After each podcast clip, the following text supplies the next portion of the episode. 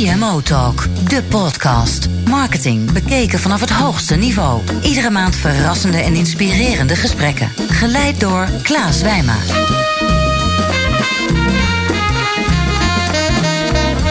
Dank voor het luisteren naar alweer de 31ste editie van CMO Talk. Mijn naam is Klaas Wijma, ik ben oprichter van Energize en uiteraard jullie host van deze maandelijkse marketing podcast die inmiddels alweer 10.000 keer is gedownload.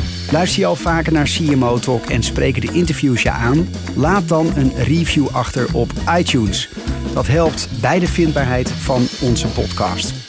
Weet dat wij alle reviews persoonlijk lezen. Zo lezen wij ook dat Maria Punch de gesprekken met de heads of marketing energiek vindt. En Roelof Hemmen van BNR eh, de podcast lekker enthousiast en up-tempo vindt klinken. Dus steun CMO Talk, abonneer via iTunes en laat een review achter. CMO Talk, aangeboden door Tijdschrift voor Marketing en Adobe. Discussieer mee op hashtag CMO Talk. Nu gaan we naar het interview. Mijn gast vandaag is Kees van de Heuvel in de studio. Kees is commercieel directeur bij de grootste credit management organisatie van Nederland.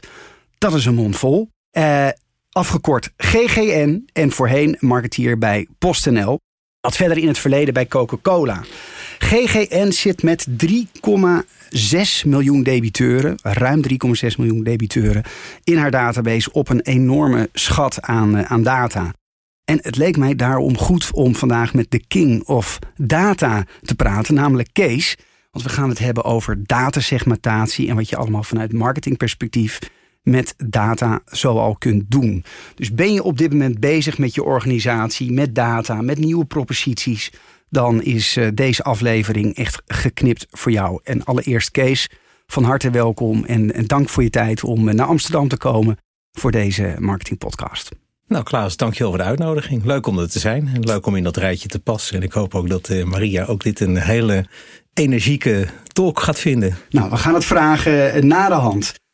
Laten we eens beginnen. Vertel eens, hoe, hoe komt een commercieel directeur in hemelsnaam bij een gerechtsdeurwaarde terecht? Hoe heb je dat voor elkaar gekregen? Ja, goede vraag. Ik heb ook uh, maar eens even introspectie gedaan, want hoe is het ooit zo gekomen? ja. Nou, ik heb eigenlijk nooit zo bewust gekozen voor bepaalde branches. Mm. Ik heb in het verleden vloerbedekking verkocht, limonade bij Coca-Cola en postzegels. En nou ja, in het volgende rijtje is dan vorderingen.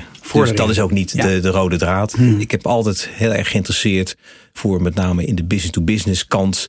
Hoe zorg je ervoor dat je daar nou ja, het marketingdenken, wat ik toch uiteindelijk als marketeer ben opgevoed, hoe je dat in de praktijk kan brengen. Dus het gaat dan om de klanten, de eindklanten. Ja. Maar het gaat ook uiteindelijk om de klanten van de klanten. En dat is een heel ja, interessant en ook dynamisch en soms ook wel complex werkveld waar je je weg moet zien te vinden. En neem de luisteraar uh, eens mee. Hoe ziet jouw gemiddelde dag er dan uit?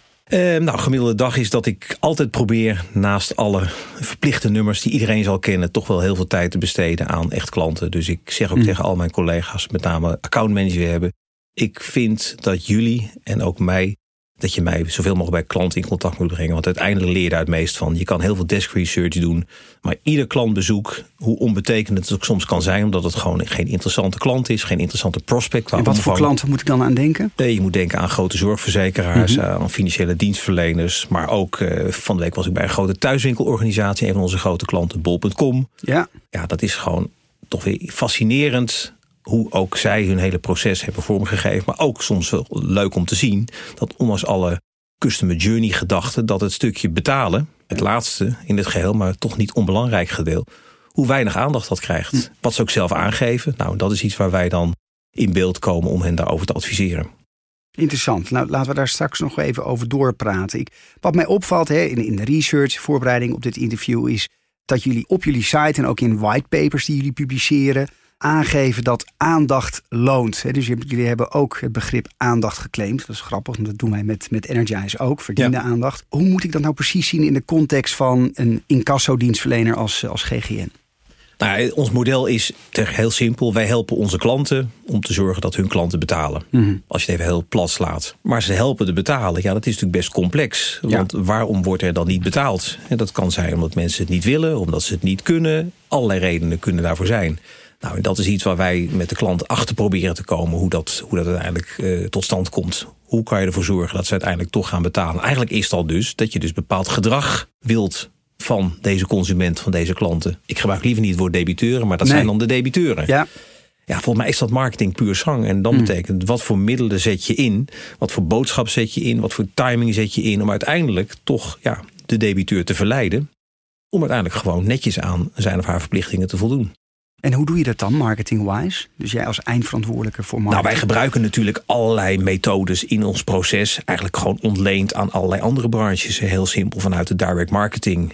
Wat ook een beetje mijn historie is vanuit hm. PostNL, PostNL. vanuit Zenderis. Met segmentatie bijvoorbeeld. Om eerst maar eens even te kijken. Nou, zien wij een patroon in de debiteur? Wat hebben we voor externe data... Mhm. waarmee we een beeld kunnen krijgen van deze debiteur? En als we die externe data ook nog eens een keer aanvullen... met beschikbare data die we al hebben namelijk iemand heeft al een aantal keren niet betaald, maar uiteindelijk wel betaald, dan kan je dus een veel beter beeld krijgen van die debiteur. En vervolgens dan ook een, marketing, wij noemen het een behandelplan, maar hoe zorg je dan voor dat je die dus op de juist niet triggert? Ja. Nou, dan komen dingen als nudging, hè. ga je praten over anderen hebben wel betaald. Of uh, als je niet betaalt, dan uh, gaan we andere maatregelen. Er zijn een aantal principes waardoor je eigenlijk gewoon op de juiste knop. We noemen het vaak even de betaalknop. Ja. Iedereen heeft een betaalknop. Als ik die knop indruk, moet ik wel weten welke knop het is. En dat versta je dan ook onder nudging? Nou, onder nudging betekent gewoon de ene is gevoeliger voor het argument van ja, jij betaalt niet en nou moeten anderen voor jou betalen, want zo werkt het natuurlijk uiteindelijk. Of waarom betaal je niet? Als je betaalt, dan krijg je van ons een beloning. Een beloning in figuurlijke zin. Dus er zijn een aantal principes die wij gewoon toepassen, wat we eigenlijk ontlenen. En dan kan je zelfs hebben over neuromarketing. Mm Je kan straffen, je kan ook belonen. Nou, en dat zijn dingen die we constant testen. En dat is een beetje wel toch mijn achtergrond vanuit de direct marketing. Het hangt weer heel sterk van de situatie af. Want wij zien een bepaalde Maslow-pyramide. Dat natuurlijk afhankelijk van ja, de type vordering. Bijvoorbeeld iemand die een huur niet betaalt. Ja, is een ander verhaal dan wanneer iemand een bol.com vordering niet betaald heeft. Ja. Nou, en daar horen weer andere tactieken bij om eigenlijk gewoon te zorgen dat we nou ja, gewoon als mens van mens tot mens met elkaar in gesprek gaan. Nou, je kan niet betalen. Nou, snappen we. Wat kan je wel? Je noemt technieken. Kun je een voorbeeld geven? Wat voor technieken gebruik je dan concreet om ja, mensen te motiveren om toch tot die betaling over te gaan? Ja, techniek is een groot woord. Laten we het even heel simpel maken. De eerste techniek die we, die we toepassen, dat is in onze branche wel redelijk nieuw, is zorg dat als je communiceert, mhm. dat je ook toetst of het begrepen wordt. Ja. Een van, van de valkuilen in onze branche, en dat denk ik in de financiële dienstverlening in het algemeen, dat er heel snel allerlei vakjargon wordt gebruikt. Nee, geef eens een voorbeeld. Nou, een van de bekende voorbeelden is dat uh, wij spreken bijvoorbeeld bij huur, wordt er dan door huurders, verhuurders zelf gesproken over de termijn is vervallen. En dan hebben wij dus af en toe dat wij debiteuren, dus uh, huurders aan de lijn krijgen. En wij zeggen, ja, er is nog niet betaald. Dan zeggen nou, we hebben een brief gekregen waarin stond dat de termijnen zijn vervallen. Die hebben dat dus begrepen als ik hoef niet meer te betalen. Dan kan je zeggen, is naïef. Maar je kan ook zeggen, zorg ervoor dat je helemaal niet dit soort misverstanden in de wereld brengt. Want dat is wat wij als branche, en ik heb het ook over onze opdrachtgevers, zelf toch een klein beetje in het leven roepen. Wij krijgen heel veel vragen van debiteuren die het gewoon niet snappen. Komend jaar, 2018 in mei, komt er een nieuwe internationale privacy-wetgeving. Of een, een Europese privacy-wetgeving. De afkorting is de GDPR, de Global Data Protection Regulation. Ik moest even zo bij nadenken. Oftewel in het de Nederlandse variant de AVG. En met al die nieuwe wetgeving, ik kan me voorstellen uh, bij GGN dat het dan het zweet uh, bij je uitbreekt. Zeker. Het is natuurlijk in die zin niet nieuw, want er is hmm. natuurlijk op dit moment al, al, al uh, wetgeving rondom data. Ja. Wij hebben ook specifiek iemand die zeer deskundig is en die ook bij spreken letterlijk bij de autoriteit persoonsgegevens, het hoogste ja. autoriteit aan tafel zit, ja. om daarmee bezig te zijn. Dus voor ons is het niet helemaal nieuw. Uh, het is ook zo dat het een aanscherping is van dingen die nu al geregeld zijn, als, als opt-in. En ja. als je data deelt, dan moet er een reden zijn waarom je die data deelt. Dan moet er een grondslag zijn waarop je die data met elkaar deelt. Dus voor ons is het, het is een aanscherping, maar de exacte uitleg, daar zijn we nog druk mee bezig. Is het ook zo, Kees, dat je als um, uh, klant of als uh, datahouder, hè, als persoon, ja. uh, je data kan inzien? Zeker, dat is een van de dingen die dus verplicht gaat worden. En dat kan nogal wat met zich meebrengen, want dat is nogal een hele administratie. Als elke individuele debiteur Precies. bij ons kan opvragen wat er bekend is, daar moet je wel je systemen voor hebben ingericht. Dat was een bekend voorbeeld volgens mij van, van Tinder. Een Tinder-gebruiker, een dame die dacht van... Hey, ik wil toch eigenlijk ook wel even weten wat voor data er allemaal over mij is opgeslagen. En die kreeg iets van, uh, nou, ik weet niet hoeveel pagina's waren, tientallen pagina's toegestuurd met alle data, alle, alle swipes, kliks die ja. zij heeft gedaan.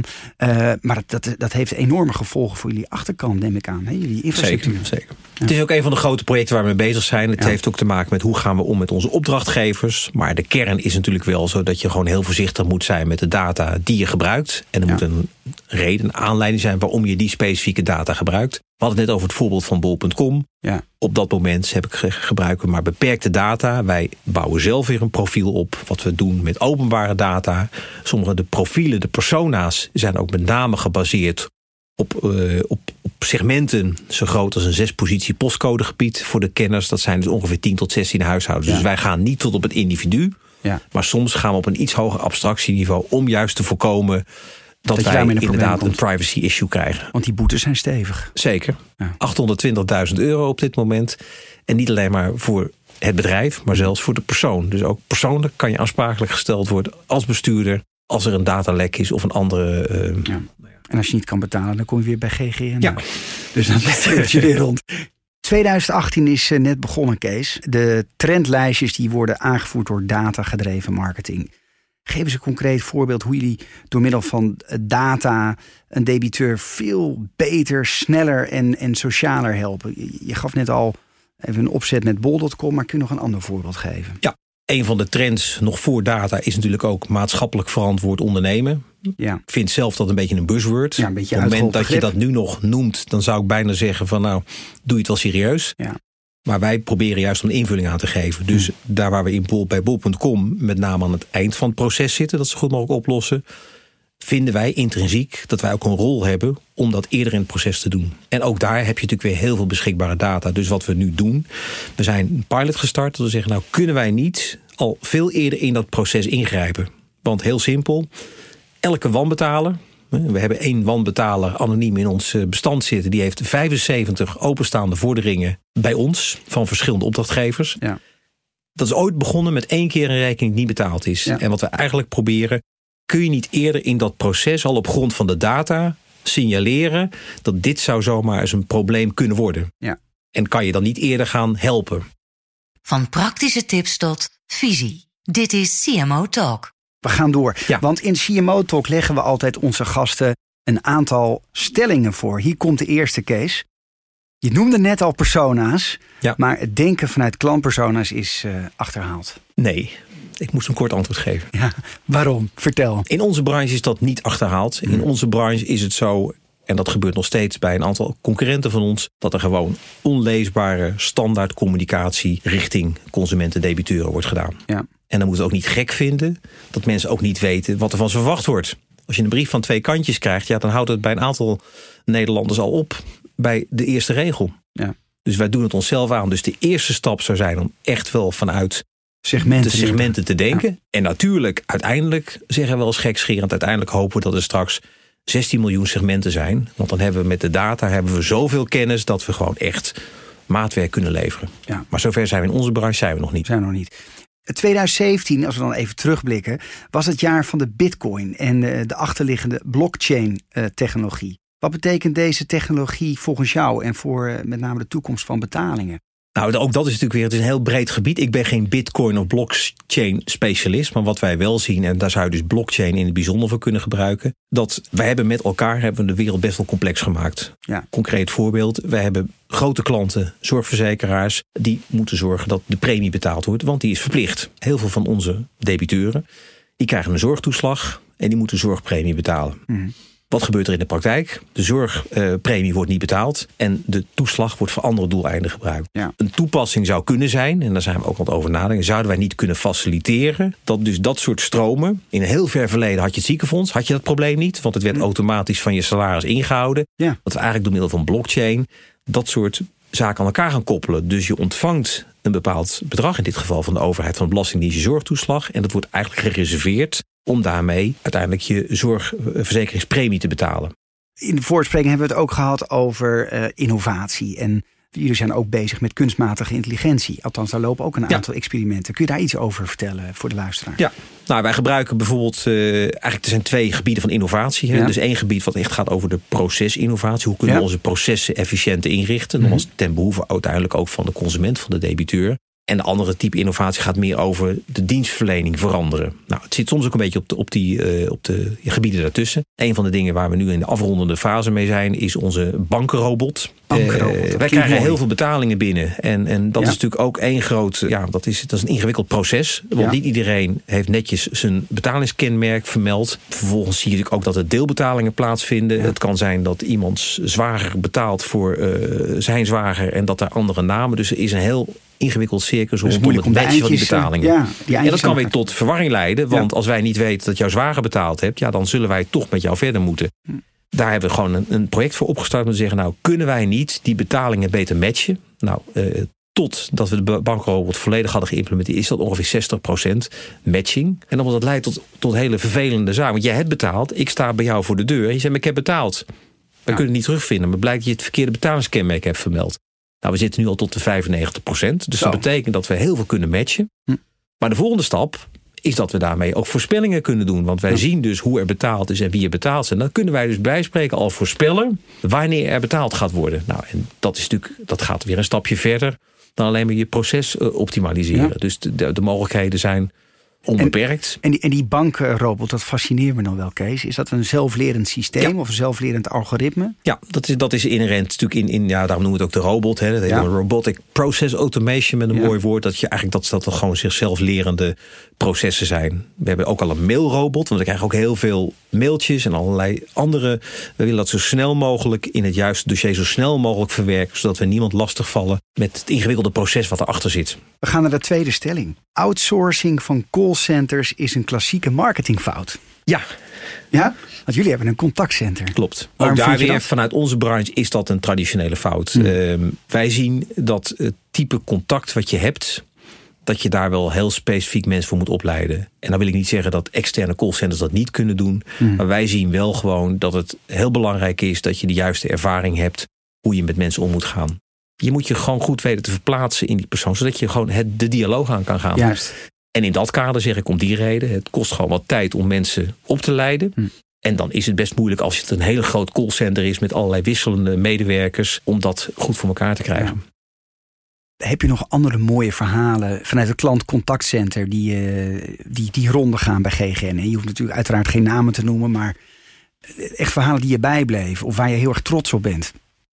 Nou, wat een bijzonder verhaal was, dat wij hebben een, een televisieprogramma RTL 4, ja. waar we laten zien, dat is een bewust programma waar we laten zien wat de deurwaarde nog meer kan. En dat programma heet? Voor de Betalen of leeghalen. Het is niet onze term, want okay. vinden natuurlijk een beetje, ja. uh, het is een beetje stereotyperend, maar het geeft wel een heel goed beeld van wat doet die deurwaarde ja. eigenlijk. Jullie sponsoren dat programma? Of, ja. en dat zijn ook onze deurwaarders die okay. gewoon real life zie je wat ze doen. En dat heeft ook heel veel goed gedaan, denk ik, voor de deurwaarde. Want hm. het beeld van hele stevige kerels die het huis leeghalen. A, het zijn heel veel vrouwen. We hebben ook heel veel vrouwelijke deurwaarders, dat uh, geloven mensen. En die gaan gewoon de dialoog aan. Ja. Ja. Nou, het is wel leuk dat daar dus verschillende kijkers hebben zich tot ons gewend. En die willen gewoon mensen helpen. Dus die zijn letterlijk met geld of met andere tips over de brug gekomen. Dat, dat is toch wel leuk. Ja. Dus ik geloof toch wel in de goedheid van de mens. En dat blijkt ook hier maar weer uit. En, en tot en met zelfs ook partijen als een uitzendbureau wat ons gebeld heeft. En die zeiden van ja, het is niet helemaal maatschappelijk verantwoord uh, dat we dit, uh, dat we hier nu bellen. Mm. Maar wij zijn op zoek naar mensen. En we zien regelmatig in jullie tv-programma zien wij gewoon mensen met een probleem. Of kan een inkomstenprobleem, of, lees werkloos. Ja. Waarvan wij denken, nou die zouden we heel goed uh, te werk kunnen stellen in een, in, in een functie. Zeker in de huidige arbeidsmarkt. Ja. Nou, dat is dan toch wel leuk om te horen. En dat vind ik dan ook zelf heel erg bevredigend. Dat je dan dat maatschappelijk verantwoord als zelfstandig vind ik moeilijk. Maar als je gewoon met je werk bezig bent en je ziet dus op deze manier dat je dus problemen kan oplossen. Ja, dat vind ik wel zelf heel leuk om te zien. En dat, dat geeft ook heel veel voldoening aan iedereen die in het proces betrokken is. Ja, en dat doet ook wat voor de motivatie, kan ik me Zeker, voorstellen. Ja.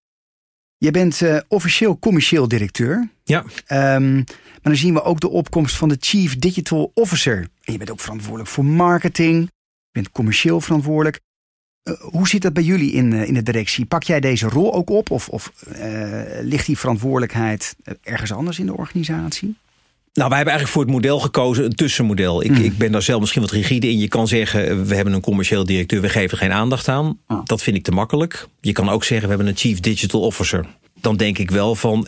En de rest gaat dan niet digitaal. Dus het is, dit zijn de twee uitersten. Wij hebben ervoor gekozen. We noemen het even een innovation board. Mhm. Waarin de verschillende disciplines zitten. Daar zit dus een collega die verantwoordelijk is voor echt voor de analytics, voor de data analytics. Ja. Er zit één collega die verantwoordelijk is voor echt voor de ontwikkeling. Die ook zelf ontwikkelaar is. Dus want we doen best wel veel dingen zelf als het gaat over ICT-ontwikkeling. En daar zit onze collega in die verantwoordelijk is voor het contactcenter. De laatste stelling. Geen klantreis is hetzelfde. Customer journey exercities zijn dan ook absoluut zinloos. Nee, beetje eentonig. ook weer in onze branche is dat absoluut niet het geval. En in alle eerlijkheid, als ik de customer journey verleng. En ik kijk dus even voor elke andere van onze, onze opdrachtgevers. Dan zien we heel vaak dat het stuk betalen wordt niet meegenomen in heel veel customer journeys. Dus er wordt over customer journeys nagedacht. Maar het stopt bij betalen. En dat is ook niet gek. Want als je zelf netjes je rekeningen betaalt, dan denk je nou, Niks aan de hand. eh, dan gaat de rekening de deur, dan zijn we klaar. En daar zit nog een heel proces achter. Achter. En dat is iets wat wij echt bij heel veel eh, opdrachtgevers zien. En wat daar, het wordt alleen maar nog belangrijker. Want wat je natuurlijk heel veel ziet, dat als het voortraject steeds verder digitaliseert, dat het soms zo is dat het enige face-to-face contact, lees telefonisch contact met een echt persoon, gebeurt vaak door ons. Wordt het des te belangrijker dat je daar aandacht aan besteedt in je customer journey. Ja, en voor de, al die klantsegmenten die je net noemde, of, of eh, persona's, hoe jullie het zelf noemen, daar hebben jullie ook aparte klantreizen voor ontwikkeld. Na Eh, de betaling. Ja, ja, precies. Wij noemen Of dat, wij noemen dat behandeltrajecten, maar dat zijn Ja. inderdaad klantreizen. Dat je Ja. zegt van nou, wat werkt nou het best? En dat zijn we continu aan het toetsen. Het hangt ook nogmaals een beetje ervan af wat ik al zei. Is het een vordering van bol.com? Dan is er een andere reden waarom er niet betaald wordt door Tamara dan wanneer Tamara haar zorgverzekering niet betaalt. Dus Ja. we proberen dat zo specifiek mogelijk te maken. En dat doen we eigenlijk gewoon het traditionele AB-testing, wat ook bekend is uit de direct marketing. We kijken wat werkt. En het interesseert ons eigenlijk niet zo heel veel waarom het zo werkt. Als het werkt, dan gaan we dat implementeren. Ja. Dat is een beetje toch neuromarketing denken. Als een blauwe lettertype beter werkt dan een grijs lettertype, dan gaan, kunnen we een eh, intellectuele discussie gaan beginnen waarom dat zo is. Wij gebruiken het blauwe lettertype, want dat werkt, werkt beter. Werkt beter. Ik wil tot slot nog een aantal, eh, want we racen weer door het interview heen, Kees. Een aantal nog persoonlijke vragen stellen. Want jij hebt net als ik eh, bedrijfskunde gestudeerd in Rotterdam aan de Ja. Erasmus.